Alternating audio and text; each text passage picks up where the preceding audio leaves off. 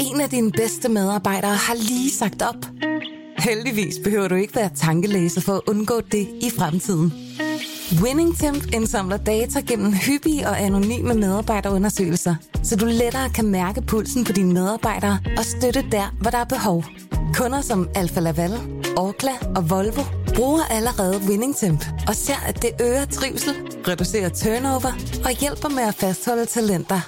Få gratis gennemgang allerede i dag på winningtemp.com. Berlingske.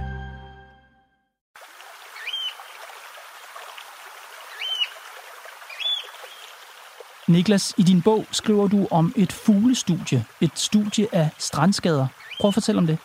Jamen, på det her tidspunkt der er vi tilbage i 50'erne, hvor der er nogle hollandske forskere, der forsker i fugles adfærd og prøver at finde ud af, hvorfor øh, er de for eksempel tiltrukket til at ligge på deres æg.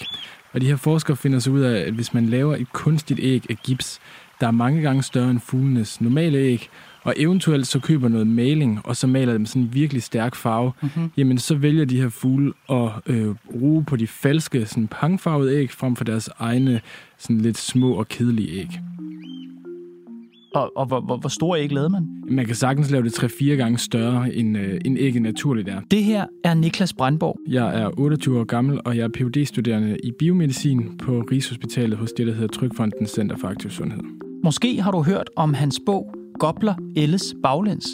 Her skriver han om, hvorfor vi dør, og hvad vi kan gøre for at undgå det. Hans nye bog, Vanedyr, handler om vaner og om hvordan industrien bruger vores forhistoriske biologi til at gøre os afhængige af alt fra mad til porno. Det er desværre ikke kun fugle, der bliver snydt af det, man kalder superstimuli. Vi minder med andre ord ret meget om de strandskader, som forskerne lokkede med falske kæmpeæg. Men det vil du hellere høre Niklas Brandborg fortælle om end mig. Så lad os komme i gang. Velkommen i Pilestræde.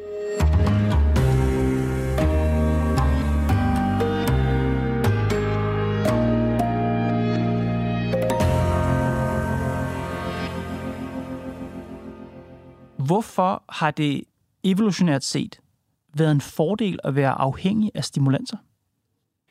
Jamen, jeg ved ikke, om man kan sige, at vi er afhængige af stimulanser. Altså, det, det du skal forestille dig, er, at din hjerne, den øh, har nogle forskellige belønninger, den er indstillet til at opsøge. For eksempel øh, nogle belønninger for mad eller for social øh, sammenhæng. Og så forsøger den ligesom at lære, hvordan opnår jeg dem bedst muligt. Og de forskellige belønninger, og dem er der, altså, der er mange ting, der belønner det system. Men, men sådan helt overordnet, hvorfor har det været smart evolutionært set at være drevet sådan et belønningssystem? Jo, du kan forestille dig et øh, dyr, der ikke får belønninger af mad, øh, som derfor aldrig spiser noget, og så dør af sult. Så det er jo for at opfylde de øh, sådan, basale behov, vi har for at overleve og for at føre vores gener videre. Så de allermest øh, øh sådan udbredte eller øh, universelle ting, man er, er tiltrukket af, er jo selvfølgelig mad og sex. Så noget, der kan få dig til at overleve, og noget, der kan hjælpe dig med at føre dine gener videre. Mm-hmm. Og vi mennesker har sådan nogle øh, yderligere øh, sådan behov, blandt andet blandt sociale behov, og sådan, også lidt nogle øh, behov for at øh, udforske omverdenen og forstå, hvordan verden hænger sammen. Du skriver i bogen, at for eksempel vores sødtand, altså vores trang til søde sager, har været en evolutionær fordel. Ja, altså det er jo ikke alt mad, der er skabt lige, øh, så vi er særligt tiltrukket af for eksempel, ja, søde smage. Vi kan rigtig godt lide fedt, fordi fedt har rigtig mange kalorier. Vi er tiltrukket af salte smage, fordi salt er livsvigtigt for os, men ret svært at få sådan ude i naturen. Så vi har ligesom en særlig trang øh, til nogle af de ting, som er ekstra godt, hvis man vil overleve. I bogen, der beskriver du både afhængighed af mad og alkohol, stoffer, sex, øh, vold øh, og underholdning. Er det den samme biologiske mekanisme, der ligger bag alle den form, alle de former for afhængighed? Det er det delvist, øh, kan man sige. Altså, det er øh, de områder i hjernen, der sådan til sammen bliver kaldt hjernens belønningssystem, som forsøger at lære, øh, hvad er der for nogle belønninger ude i verden, og hvordan får jeg dem så? Og så forsøger jeg også at rangere dem, så hvis vi for eksempel er sultne, så har vi lyst til at opsøge den slags belønninger. Øh, hvis vi øh, i stedet for har lyst til at være sociale, så øh, går vi, får vi måske lyst til at tage i byen øh, og den slags. Så, så det er sådan, langt hen ad vejen at det nogle af de samme mekanismer, der, der er involveret. Og du har nogle ret, synes jeg, øh, foruroligende, altså uhyggelige eksempler i bogen på, hvor stærk den belønningsmekanisme er. At den er så stærk, at selvom individet godt egentlig kan se, det her det er rigtig, rigtig øh, skidt for mig, så kører man bare på. Du har for eksempel et eksempel med, med sådan et forsøg med, med, med chip i hjernen. Prøv lige at forklare det. Det var noget øh, hal, halvmakaber forskning, der blev lavet over i USA, hvor man øh, indopererede elektroder i hjernen på øh, i første omgang rotter, og så har man haft mulighed for at stimulere forskellige dele af rotternes hjerner elektrisk. Det vil sige, at man sådan kunne aktivere forskellige øh, hjerneområder. Når man så putter de her øh, elektroder ind i hjernen øh, i det område, der hedder øh, vi kalder belønningssystemet, og så giver rotterne mulighed for selv at stimulere det her område. Så begynder de at opføre sig sådan fuldstændig kompulsivt, det vil sige, at de bare begynder at øh, stimulere sig selv igen og igen og igen og igen, og fuldstændig mister øh, sådan trangen til at gøre alt andet, altså til at drikke eller øh, udforske omgivelserne eller for at spise, så forskerne sådan nærmest er nødt til at, at tage det her ud igen, øh, mm-hmm. for at de ikke skal ende med at dø af sult og tørst. Så er der så også nogen, der har lavet et tilsvarende, eller der er faktisk flere, der har lavet tilsvarende eksperimenter på mennesker, hvor man også har indopereret elektroder og så givet folk, enten har lægerne selv stimuleret den, eller så har øh, man givet folk mulighed for selv øh, at gøre det. Og, det skal og man, man skal simpelthen forestille sig en patient, der kan trykke på en knap. Ja, og så aktivere en del af belønningssystemet i hjernen, ja. Det er ligesom, at øh, du lidt kunne få følelsen af at... Øh, vinde nogle penge øh, på et casino og spise en burger og have sex på samme tid. Øhm, ja, det lyder dejligt. Og det kan du gøre ved at trykke på en knap. Ja. Og så begynder folk jo, sjovt nok, at begynde at trykke på den her knap meget. Og så kan de komme ind i sådan et loop, hvor de slet ikke kan lade være med at trykke på den her knap. Og selvom de får sår på fingrene og har en eller anden indre trang til at stoppe med at trykke på den her knap, så kan de ikke lade være. Og den mekanisme, vi har regner ikke rundt med de elektroder i hovedet alle sammen, men det er i grove træk grunden til, at det er svært at lade være med at tage chipsposen ud af skabet, og det er svært at lade være med at sidde og scrolle på sin telefon, og det er svært at lade være med alle de her ting, som vi et eller andet sted godt ved er noget skidt, men som bare giver os en eller anden hurtig belønning. Jamen altså, det her system er jo det, der er skyld i stort set alle de ting, du har lyst til at gøre, som øh, altså, skal guide dig hen til den næste belønning.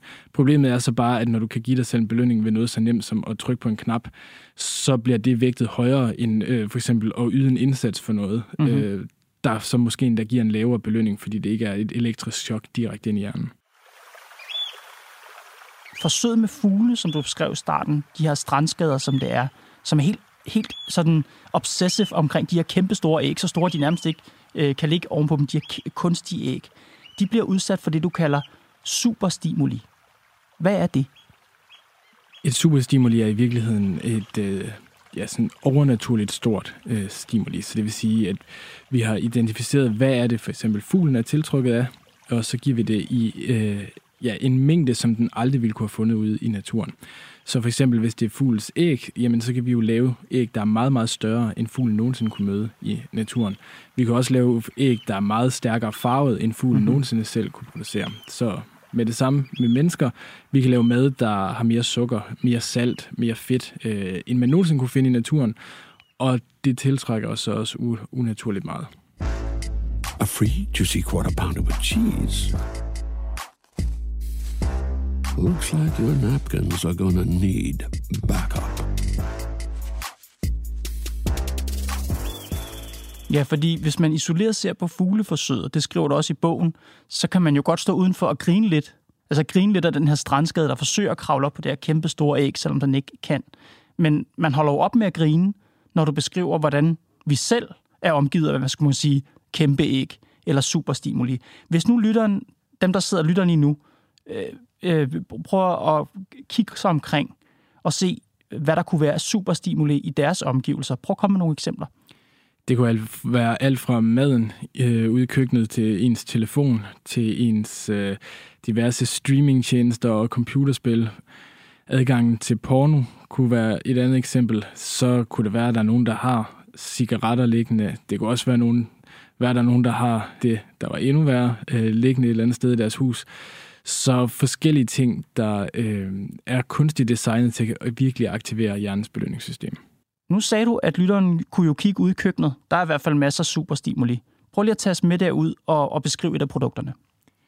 Det kunne være alt fra småkager til is, til chips, til slik. Det kunne også være diverse færdigretter. Øh, generelt mad, som ikke er vokset på et træ eller på en mark, eller øh, kommer fra en stald, men mad, der er designet af fødevareforskere til at være så tiltalende som overhovedet muligt. Og den designproces beskriver du også i bogen. Kom med nogle eksempler. Jamen, den designproces går egentlig ud på at finde ud af, hvordan kan man for det første gøre maden tiltalende, så folk selvfølgelig har lyst til at, at købe den, og så skal den være så lidt mættende samtidig som muligt. Så det vil sige, du får lyst til for eksempel at købe nogle chips, og når du så går i gang med dem, så bliver du ikke mæt, selvom du spiser hele posen, og så går der kortere tid, indtil du køber en ny pose, og så kører hele cirkuset sådan. Så designprocessen går ud på alt for sådan virkelig avanceret forsøg, hvor du for eksempel øh, ser, jamen, hvordan kan man få en saltkrystal til at være formet på den helt rigtige måde, så den lige præcis aktiverer ja, øh, eller tungens receptorer for salt, til sådan lidt mere mondane forsøg, hvor man laver 100 forskellige versioner af en eller anden vingummi, og får folk til at smage den og bedømme den, og så hele tiden prøve at optimere, hvad det er, folk bedst kan lide. Du skriver også, at, øh, at fødevareindustrien bruger hjernescanninger Ja, der er sådan et øh, berømt eksempel, hvor der er en isproducent, der putter folk i hjernescanner, og så giver dem forskellige variationer af deres is, for at prøve at se, øh, hvad der ser ud, i hvert fald på hjernescanningen, som om de bedst kan lide. Hey Chicago, get your spoons ready. Farm fresh and creamy taste of Kemp's ice cream is here, and it's Chicago's new fave. Du skriver også i bogen om sociale superstimuli. Hvad er det for noget? Det kunne for eksempel være, når man kigger på sine telefoner eller de sociale medier, øh, vi bruger i dag, som jo ligeledes er designet til, at vi skal gå derind, og så skal vi ikke have lyst til at gå ud igen. Eller vi skal i hvert fald ikke være i stand til at, øh, at gå ud igen. Men det jeg, skal, det, jeg skal have forstå, det er, at når det gælder maden, der forstår jeg godt min, altså vores øh, fjerne forfædre, havde brug for at spise mad for at blive mætte, men vores fjerne forfædre så ikke fjernsyn eller smartphones. Hvad, hvad er det for en, hvad skal man sige, forhistorisk eller evolutionær øh, hvad hedder det, tiltrækning, afhængighed, som det spiller på, dem der laver computerspil og telefonunderholdning og tv-underholdning?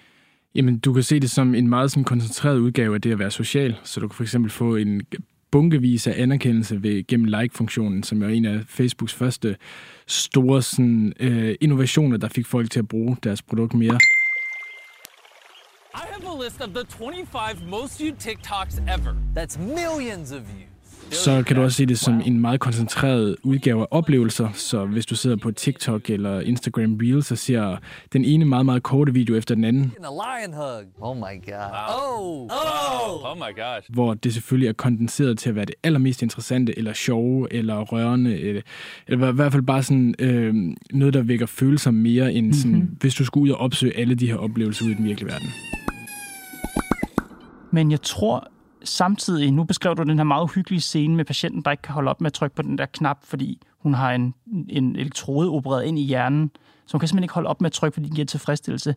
Når, når du taler om øh, smartphones og Facebook-likes og den slags som social stimuli, så tænker jeg, jamen, når jeg sidder der og heller ikke kan lade være med at scrolle på min telefon, og nej, nu er der kommet et like mere, eller nu er der en kattevideo, jeg skal se, så ved jeg jo godt, at det ikke er socialt. Det er jo ikke en social aktivitet.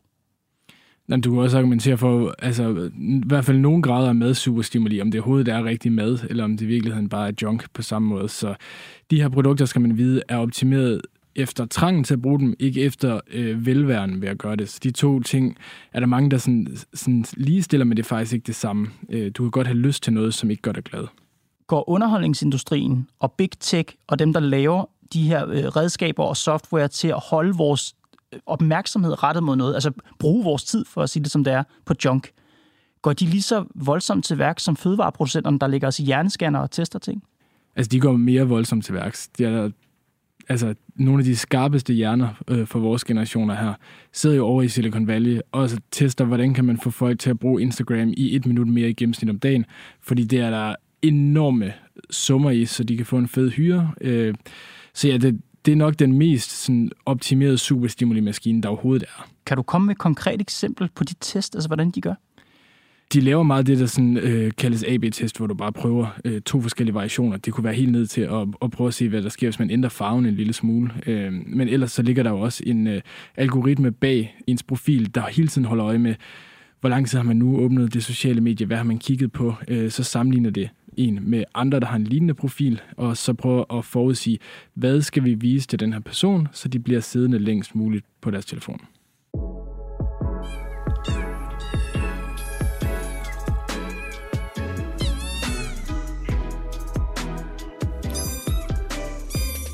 Hi everyone! I adopted this little chihuahua a couple of days ago, and she still doesn't have a name. So I really fell in love with her from the moment I saw her.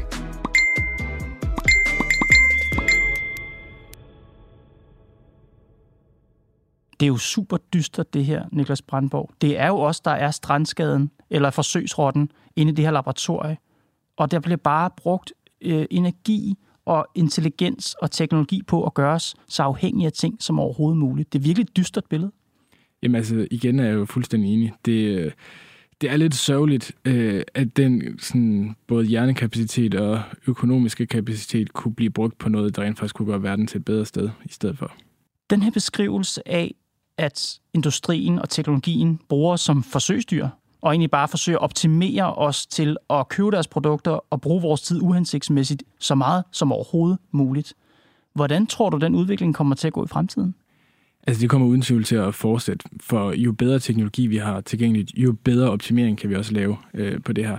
Så jeg vil bare se med smartphonen, at øh, hvis du for eksempel skulle lave tv, øh, så er det sværere at optimere det fuldstændig, fordi du ikke får feedback løbende fra, fra brugeren. Når du så sidder med en, der har en smartphone, så får du løbende feedback, som du kan optimere på sådan nærmest i real time. Øh, så i takt med, at vi får flere og flere af den slags muligheder, så kan vi også lave superstimuli, som er endnu stærkere, end de var tidligere. Hvis du ser 10, 20, 30 år ud i fremtiden, hvad forestiller du dig? Jamen, man kan sige, hvis vi kigger på vores telefoner, så en af de ting, der kommer til at være revolutionerende, tror jeg, er, at øh, du kommer til at have kunstig intelligens, der kan generere indholdet. Det vil sige, lige nu er du begrænset af, at hvis du skal have nok sjove videoer og spændende sådan, indslag, så skal det være rigtige mennesker, der har været ude i den virkelige verden og optaget et eller andet, og siddet og arbejdet med for eksempel at klippe det sammen osv. Øh, der kommer nok ikke til at gå forfærdelig lang tid, før du bare kan generere noget, som er utrolig underholdende, øh, som ser livs øh, ud, og så kan du ligesom øh, lave et feed, hvor du har endnu mere lavet det specifikt til den person, så alle øh, personer, der er øh, på feedet, ser ud på en måde, som øh, brugeren måske synes er tiltrækkende. De har personligheder, som passer lige præcis til det, brugeren godt kan lide at følge med i, og øh, de laver ting, som øh, måske aldrig kunne foregå i virkeligheden, men som kan tilpasses brugeren. Så du får det der, du får et meget bredere udvalg, mm-hmm. og så mhm. kan du selvfølgelig optimere, så folk de har endnu mere lyst til at, at være i det univers. I et af vores tidligere afsnit øh, har vi talt om Elon Musks forsøg på at lave en hjernechip. Altså indoperere en chip i mennesket, for som han siger, vi skal skabe, hvis vi skal udnytte den kunstig intelligens derude, så skal vi skabe direkte kontakt. Det nytter ikke noget, der er en brugeroverflade. Der skal være direkte kontakt mellem kunstig intelligens og vores intelligens for rigtigt at kunne bruge det her til noget. Når man tænker over det, han siger i, det, i sammenhæng med det, du siger, nemlig at der, det virker til, at der ikke er nogen grænser for, hvor, hvor meget vi kan være styret af det her belønningssystem, så synes jeg, det bliver uhyggeligt. Hvad synes du? Jo, altså man kan sige, det er jo ikke fordi, der kun er dårlige øh, perspektiver i det her, men altså, nu har vi jo de eksempler, hvor man har indopereret chips øh, eller elektroder lige præcis i hjernens belønningssystem og kan stimulere det. Ja, for jeg kommer til at tænke på de patienter, du nævnte, der sidder og ikke kan holde op med at trykke på den der knap, fordi de bliver stimuleret, og til sidst så er de jo nærmest ved at gå i selvdestruktion. Ja, altså, de er ved at gå i selvdestruktion. Altså, de får åbne sår på fingeren og bliver stadigvæk ved med at trykke på den her knap her. Risikerer vi ikke nøjagtigt det samme i en fremtid, hvor vi bliver mere og mere altså interaktive med vores teknologi? Jo, altså, man kan sige, nu kender vi i hvert fald den her failure mode, så man kunne i hvert fald sørge for, øh, for det første, at øh, det her ikke var en mulighed mulighed at have en eller anden mekanisme, der gør, at folk ikke har mulighed for at gøre sådan her. Men igen, så har du også en del af befolkningen, som aktivt opsøger sådan nogle ting her, som gerne vil prøve sådan det nyeste af det nye inden for stoffer, øh, som bare gerne øh, mm-hmm. vil prøve den sådan, det mest stimulerende, de kan komme i nærheden af. Og for dem vil det jo givetvis være et produkt, der vil være mange penge værd, fordi det vil ligesom være den ultimative stimulering af hjernen, du kan lave. Den her situation, jeg synes, det lyder som en meget dyster situation for os moderne mennesker. Den sammenligner du med science fiction-filmen The Matrix. Hvorfor? Jeg synes jo lidt, det er den historie, der bliver fortalt derigennem. Øhm, i hvert fald, øh, man kan forestille sig, at der er nogle mennesker, der kommer til at ende i sådan en øh, kunstig øh, virkelighed. Mm-hmm. Øh, allerede lidt gør det, for, hvor man lever digitalt i stedet for virkeligt, øh, fordi i den digitale verden kan du være, hvem du vil. Øh, mm-hmm. Du kan mhm. se alt det mest interessante, hvor den virkelige verden så bliver grå og kedelig til sammenligning. The matrix is everywhere. It is all around us. Even now in this very room. Men din vision, Niklas, synes jeg på en måde er væsentligt mere uhyggelig end The Matrix. Altså, fordi i din version, der er vi jo bevidstgjorte. Altså selvom vi har muligheden for at rejse os fra Undskyld, og det her det kræver, at man har set øh, filmen The Matrix, men det tror jeg alle har. Jeg tror, de fleste af dem, der lytter, har set den film. Altså, vi har jo muligheden for at rejse os fra de her kar, som kroppene ligger i The Matrix. Ikke? Altså at trække industriens superstimuli-ledninger ud af vores kroppe og rejse os og skabe et rigtigt liv. Men selvom vi godt ved det, så bliver vi skulle liggende i karret med alle de her ledninger sluttet ind og slubrer de her superstimuli i os. You are a slave, Neo. Like everyone else, you were born into bondage. Born into a prison that you cannot smell or taste or touch. Er det her et udtryk for, at vores selvdisciplin, vores forestillinger om fri vilje og handlekraft i virkeligheden er værre, end den er i filmen The Matrix, hvor Neo og de andre de rent faktisk rejser sig og gør oprør? Nej, altså jeg vil sige, det er ikke fordi, at alle kommer til at ende i den situation. Det øh, har jeg trods alt ingen frygt for. Det, der sandsynligvis kommer til at ske, er, at du får en del af befolkningen, som vælger den vej, øh, og skal du argumentere for, om det er et frit valg, eller om det er noget, de øh, ligesom bliver tvunget ud i, fordi de ikke er i stand til at rive sig fri.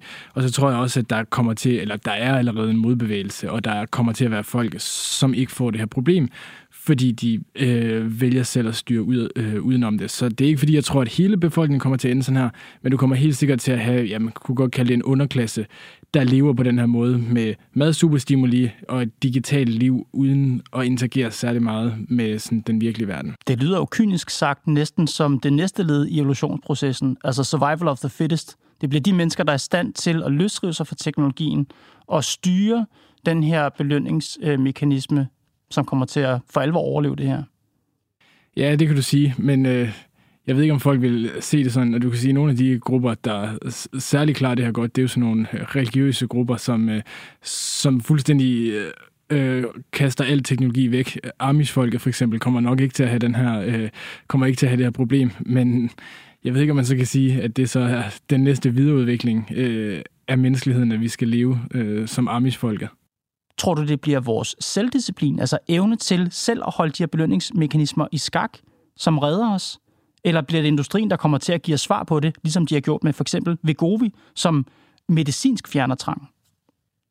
Jeg tror, det bliver en blanding. Øh, I bogen leder jo allerede efter, hvad er det for nogle sådan, tips og tricks, man kan bruge, hvis man gerne vil hjælpe sig selv lidt på vejen. Øh, det synes jeg jo overhovedet ikke, der er noget galt i, tværtimod. Øh, og hvis det så er virksomheder, der producerer øh, de hjælpemidler, der skal til for at overkomme de her øh, sådan faldgrupper, så er det jo bare super fedt. Så jeg tror, det, jeg tror heldigvis også, at vi kommer til at få hjælp den vej fra. Det kan også være om 1000 eller 10.000 år, at der kommer et nyt evolutionært spring. Altså en menneskerace, som biologisk har dæmpet belønningsmekanismen, eller simpelthen sat et loft over den. Ja, det tror jeg ikke, du vil behøve så lang tid der, før der kunne komme. Det vil sandsynligvis være noget, man vil kunne lave inden for tusind år, hvor du vil kunne gå ind og... Altså man kan sige, det vil være øh, ret smart sådan designmæssigt at bare have en øvre grænse for nogle af de her instinkter. Bortset fra for industrien, som tjener penge på, at vi ikke har nogen. Klart, øh, men du kan sikkert også tjene penge på så at lave den behandling, der skal sætte grænsen derind. Så på den måde øh, tror jeg nok, det skal lykkes. Niklas Brandborg, det er jeg glad for, du siger. Og tak, fordi du kom i Pilstred. Mange tak, fordi jeg måtte komme. Det var Pilestræde for i dag. Programmet er lavet af Thomas Arndt, Mads Klint, Bo Lange, Karoline Nord og mig, Kåre Svejstrup. Vi er tilbage i morgen.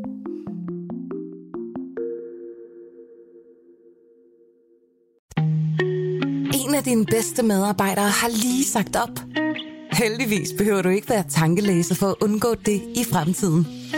WinningTemp indsamler data gennem hyppige og anonyme medarbejderundersøgelser, så du lettere kan mærke pulsen på dine medarbejdere og støtte der, hvor der er behov. Kunder som Alfa Laval, Orkla og Volvo bruger allerede WinningTemp og ser, at det øger trivsel, reducerer turnover og hjælper med at fastholde talenter. Få gratis gennemgang allerede i dag på winningtemp.com.